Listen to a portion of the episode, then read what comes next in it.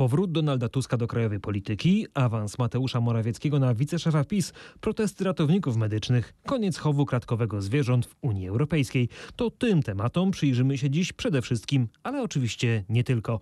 Dziś jest środa, 30 czerwca, a to jest podsumowanie dnia w RMFFM. Jonasz Jasnorzewski, zapraszam.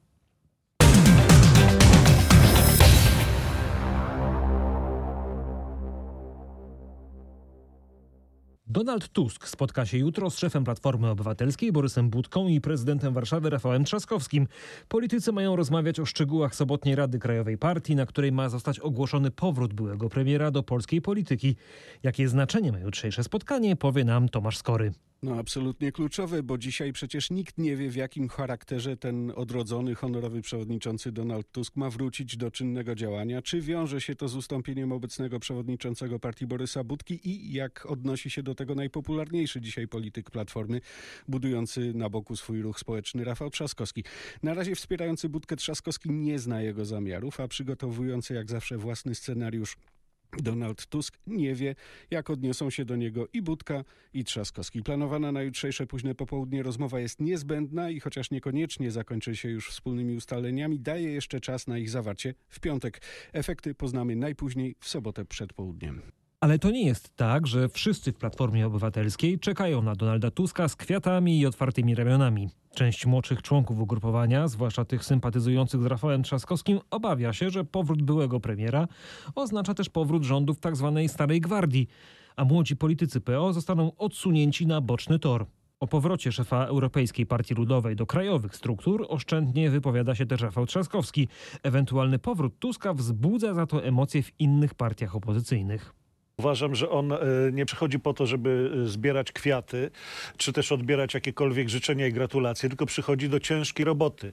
E, po takiej temperaturze niechęci, takiej panice, która towarzyszy w obozie władzy, widać, że ten powrót jest jak najbardziej potrzebny i pożądany. Dla całej opozycji, czy tylko dla Platformy? Pytanie, czy z Myślę, Donaldem Tuskiem dla, łatwiej byłoby scalić opozycję? Dla, dla całej sceny politycznej, bo nie sądzę, żeby ten polityk przeciwko przecież formatu europejskiego z dużymi sukcesami w kraju, y, chciał i zadowolił się tylko byciem szefem Platformy, y, zwłaszcza, że y, udowodnił to niejednokrotnie, że potrafi pisać scenariusze na różne okoliczności. Pewnie w głowie ma jakiś scenariusz. Moim zdaniem będzie mógł skutecznie pomóc w zredefiniowaniu sceny politycznej, szczególnie tej na opozycji. A po drugiej stronie, powtórzę to jeszcze, barometr niechęci, paniki, nienawiści przebija sufit y, w Prawie i Sprawiedliwości, to najlepszy znak, że Donald Tusk powinien wrócić do polskiej sceny Ale politycznej. Tego, co... Mówił Mariuszowi Piekarskiemu wicemarszałek Sejmu Piotr Zgorzelski z PSL-u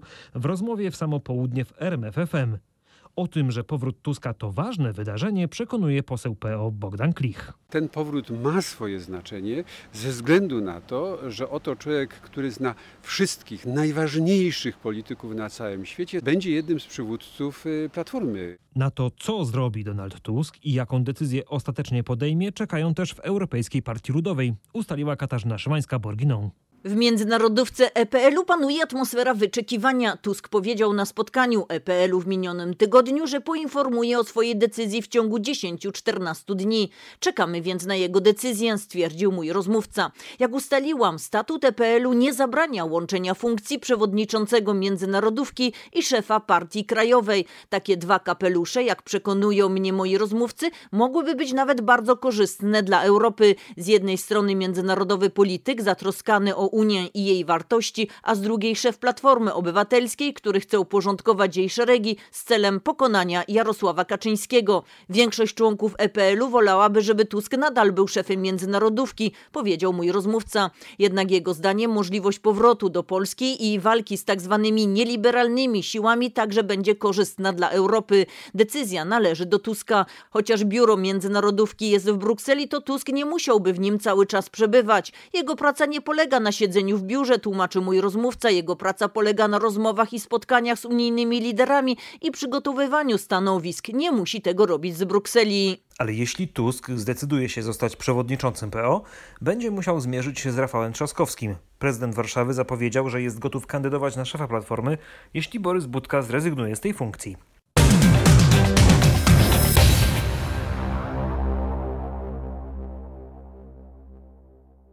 Opuśćmy na moment y, ten kierunek i zajrzyjmy do polskich miast, w których protestowali dziś ratownicy medyczni, wspierani przez pracowników innych zawodów medycznych, m.in. laborantów czy pielęgniarki.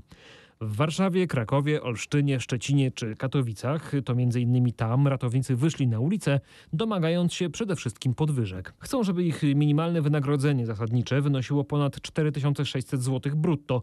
Do tej kwoty dochodziłyby też premie, nagrody czy dodatki za pracę w święta i w nocy. Czerwona kartka dla rządu. W czwartej fali pandemii będziemy na kasie w supermarkecie.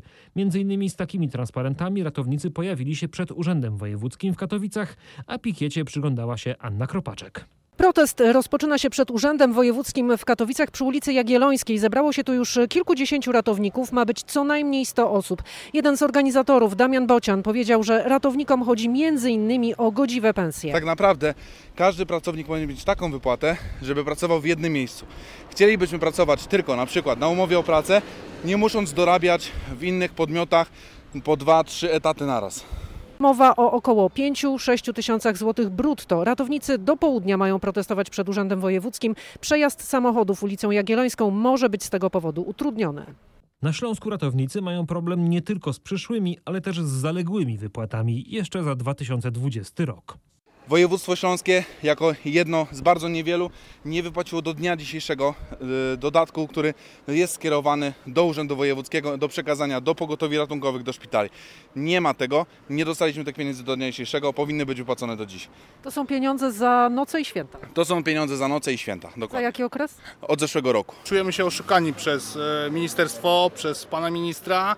Zostaliśmy pozbawieni na dzień dzisiejszy e, dodatku 4x400, który otrzymywaliśmy od kilku lat. Chcemy tych pieniędzy. Zostaliśmy pozbawieni własnego zawodu jako takiego. Zostaliśmy opisani w ustawie o najniższym wynagrodzeniu w służbie zdrowia jako inny zawód medyczny. Dla ministra i ministerstwa ratownik medyczny w tym kraju nie istnieje. Jesteśmy zawodem medycznym.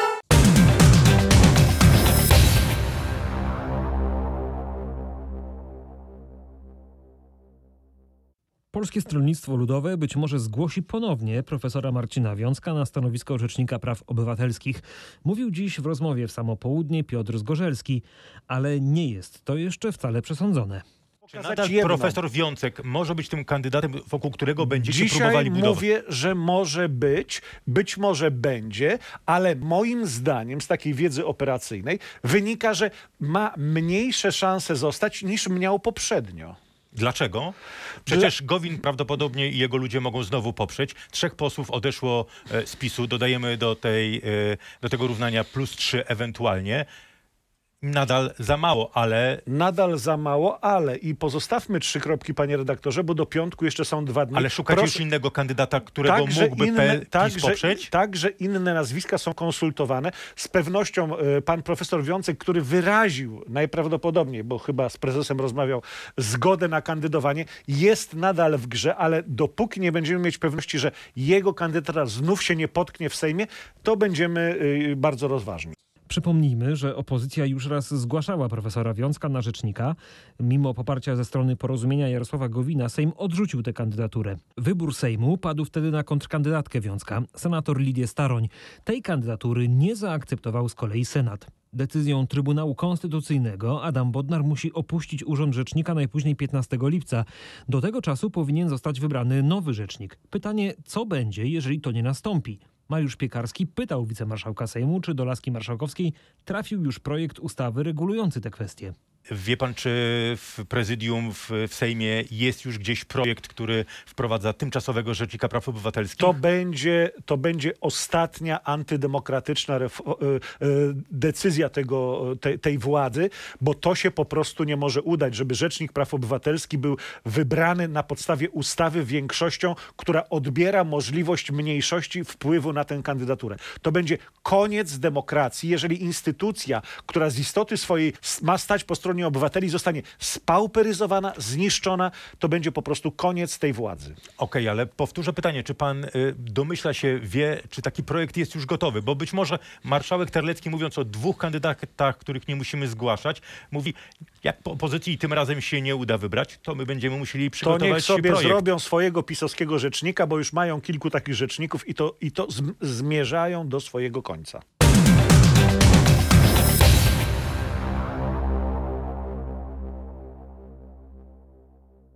Premier Mateusz Morawiecki będzie kandydatem na wiceprezesa Prawa i Sprawiedliwości podczas niedzielnego spotkania Rady Politycznej Partii. Z pewnością zostanie wybrany, jeśli wszystko odbędzie się zgodnie z planem, mówił wicemarszałek Sejmu i szef klubu PiS Ryszard Terlecki. O tym, że to naturalny krok, mówił już wczoraj w RMFFM wiceprzewodniczący klubu PiS Marek Suski.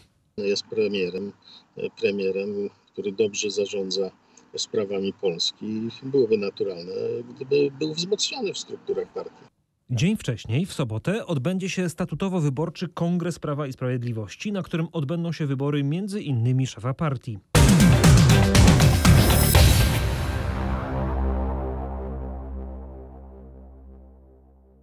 Na 10 lat może trafić za kraty Bartłomiej M., były szef gabinetu politycznego Antoniego Macierewicza z czasów, gdy ten był ministrem obrony narodowej. Prokuratura w Tarnobrzegu przesłała do sądu akt oskarżenia w sprawie sześciu osób, w tym właśnie Bartłomieja M. Co takiego śledczy zarzucają byłemu rzecznikowi MONU, wyjaśni Krzysztof Zasada. Według śledczych przekroczył swe uprawnienia przez działanie na szkodę PGZ. Chodzi o zawieranie umów niekorzystnych dla spółki dotyczących m.in. organizacji koncertu, fikcyjnych usług szkoleniowych czy też organizacji targów obronnych. W ten sposób miał wyrządzić szkodę w wysokości 1 200 tysięcy złotych. Bartłomiej M. miał się też powoływać na wpływy w Monie. Jak twierdzi prokuratura, za łapówki obiecywał załatwianie różnych spraw. Uzyskał w ten sposób 55 tysięcy złotych. Natomiast działający z nim były poseł Mariusz K. 35 tysięcy. Wśród osób objętych aktem oskarżenia jest jeszcze była urzędniczka resortu obrony, członek zarządu PGZ, a także byli pracownicy tego koncernu.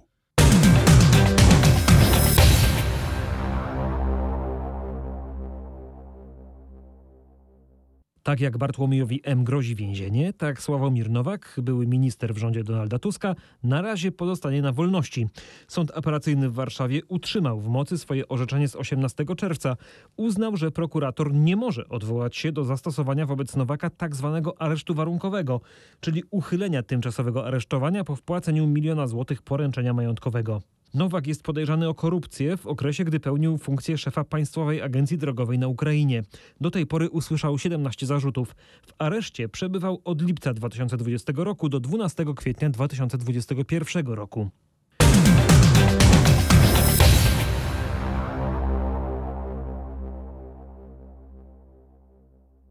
Dziś w Polsce 104 nowe przypadki zakażenia koronawirusem i 16 zgonów. Choć wirus odpuszcza, to wciąż trudno mówić, że pandemia już za nami.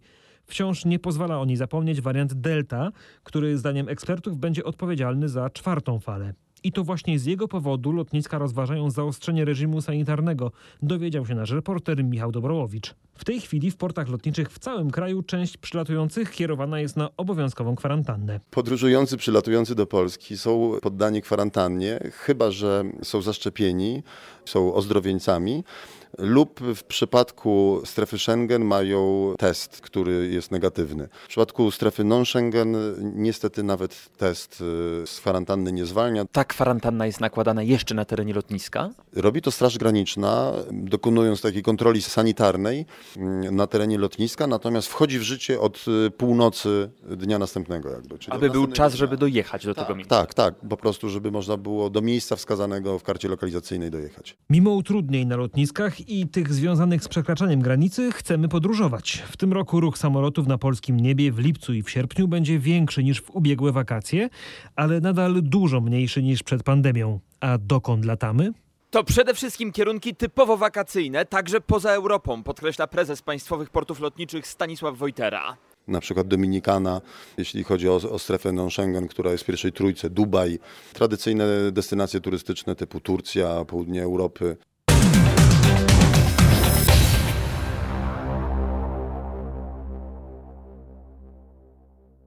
To teraz przenieśmy się samolotem albo i niekoniecznie do Wielkiej Brytanii, bo tam właśnie dziś mija termin składania wniosków o status osiedlonego. Taki status gwarantuje obywatelom Unii Europejskiej zachowanie dotychczasowych praw na wyspach po Brexicie. Nasz londyński korespondent Bogdan Frymorgan przypomina o jakich prawach mowa. O prawo do pracy, edukacji, opieki zdrowotnej i świadczeń socjalnych brytyjski rząd zapewnia, że spóźnialscy otrzymają listy zobowiązujące ich do złożenia takiego wniosku w ciągu 28 dni, ale konsekwentnie odmawia odroczenia dzisiejszego terminu. Około 400 tysięcy osób wciąż czeka na rozpatrzenie sprawy. Rząd zapewnia, że ich prawa będą honorowane do chwili wydania takiej decyzji.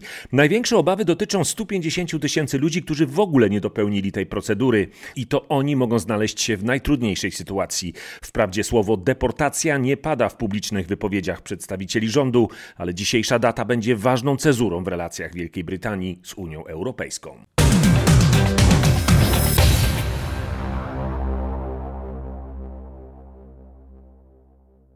Komisja Europejska już 12 krajom zaakceptowała plan odbudowy po pandemii, a to oznacza, że pieniądze zaczną trafiać do nich już w drugiej połowie lipca.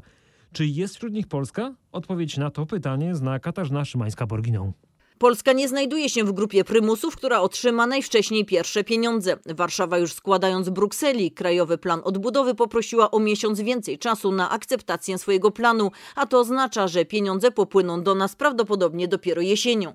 Jak usłyszałam w Komisji Europejskiej, nie ma ze strony Polski jakiegoś przyspieszenia. Komisja ma więc czas do końca lipca na ocenę polskiego planu, potem trzeba doliczyć miesiąc na przyjęcie go przez Radę Unii.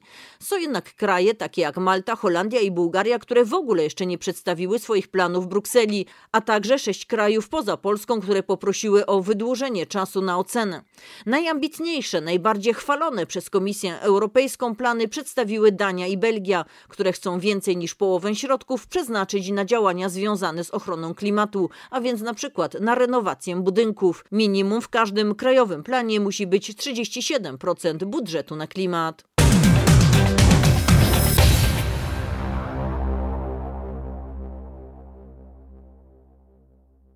Dziś w Brukseli zapadła też inna ważna decyzja.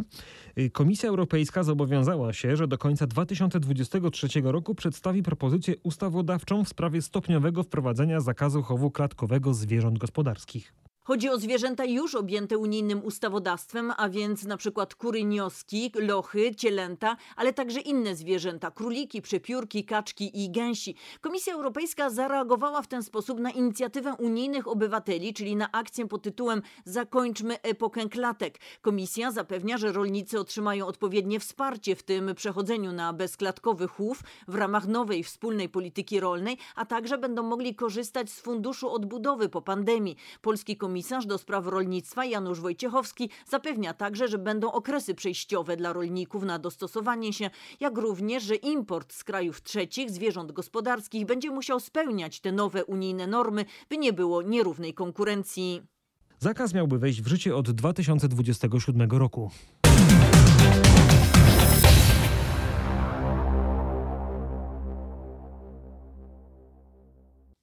Skoro jesteśmy już przy zwierzętach, to w Żywkowie w Warmińsko-Mazurskiem rozpoczęło się obrączkowanie młodych bocianów. Jak dokładnie wygląda ta procedura i po co się ją stosuje, tłumaczy naszemu reporterowi Piotrowi Bułakowskiemu ornitolog Sebastian Menderski z Polskiego Towarzystwa Ochrony Ptaków. Obrączkowanie polega na tym, że musimy dostać się do gniazda, e, założyć dwie obrączki na każdego pisklaka, jedna obrączka metalowa i jedna plastikowa. Dzięki temu zwiększamy szanse na odczyt ptaka, czyli na ponowne stwierdzenie osobnika y, po iluś latach w innym miejscu bądź w tym samym. E, obrączkujemy przede wszystkim po to, żeby sprawdzić, ile piskląt wyklutych w żywkowie wraca e, i zasiedla gniazda już jako osobniki dorosłe. A taki odczyt ptaka potrafi czasem przynieść niespodziankę. Odczyty czasami bywają bardzo ciekawe. E, bywają ptaki, których e, nie możemy odnaleźć po, po wielu latach, dopiero po 10-15 latach e, dają pierwszy odczyt. Z takich ciekawostek mogę powiedzieć, że ostatnio udało mi się odczytać obrączkę niemiecką na bocianie, który żerował sobie na polach bitwy pod Grunwaldem, więc można powiedzieć, że Niemiec wrócił na pola grunwaldzkie.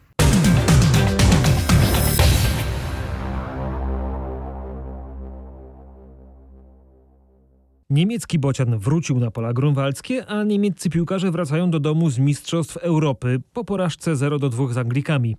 Z Euro pożegnali się też wczoraj Szwedzi, którzy ulegli Ukraińcom 1 do 2. Znamy już więc wszystkie pary ćwierćfinałów. W piątek Szwajcarzy zmierzą się z Hiszpanami, Belgowie spróbują wyeliminować z turnieju Włochów, zaś w sobotę Czechy stoczą bój o półfinał z Danią, a Anglia z Ukrainą. Po zwycięstwie z Niemcami na Wyspach zaostrzyły się apetyty na tytuł Mistrza Europy w piłce nożnej, usłyszał Bogdan Frymorgan. Komentatorzy nie mówią tego głośno, ale już teraz szepczą o finale. Z turnieju odpadło tyle utytułowanych drużyn, że reprezentacja Anglii może ich zdaniem zawalczyć o złoto. Wczorajszy mecz doda jedenastce Garetha Southgate'a impetu. To nie było zwykłe zwycięstwo. Pokonanie Niemców 2 do 0 w dodatku na Wembley toruje jej drogę na dalszym etapie turnieju, a co najistotniejsze przywraca wiarę w siebie. To młoda drużyna wczoraj w końcu rozpostarła skrzydła, jest zdyscyplinowana i ma wspaniałe wspaniałego trenera, a zwyciężając z Niemcami pozbyła się kompleksów. Teraz wszystko jest możliwe. A wejście już powoli w finałową fazę turnieju to dobry moment, żeby pokusić się o małe podsumowanie. I od razu pierwszy wniosek. Na Euro 2020 pada więcej bramek niż na turnieju w 2016 roku. Patryk Serwański. Na Euro 2016 strzelono 108 bramek, na tym turnieju już 123. Gol na Euro pada średnio co 32 minuty. Wydawało się, że w fazie pucharowej będziemy oglądać nieco bardziej zachowawczy futbol. Zamiast tego było mnóstwo emocji, no i liczne zwroty akcji. Choć turniej zaczęli słabo, to obecnie Hiszpanie są na Euro najskuteczniejsi, strzelili już 11 bramek. Jak się okazuje, ćwierćfinał można osiągnąć także tracąc dużo goli. Szwajcarzy na koncie strat mają 8 trafień, strzelili dotychczas 7 goli, no ale grają dalej. Anglicy to z kolei jedyna drużyna w ćwierćfinale, która nie straciła jeszcze ani jednej bramki. I na razie wiemy jedno, chyba żaden wynik ćwierćfinałowych meczów nie będzie niespodzianką, no nie po tym, co zafundowali nam piłkarze w 1-8 finału.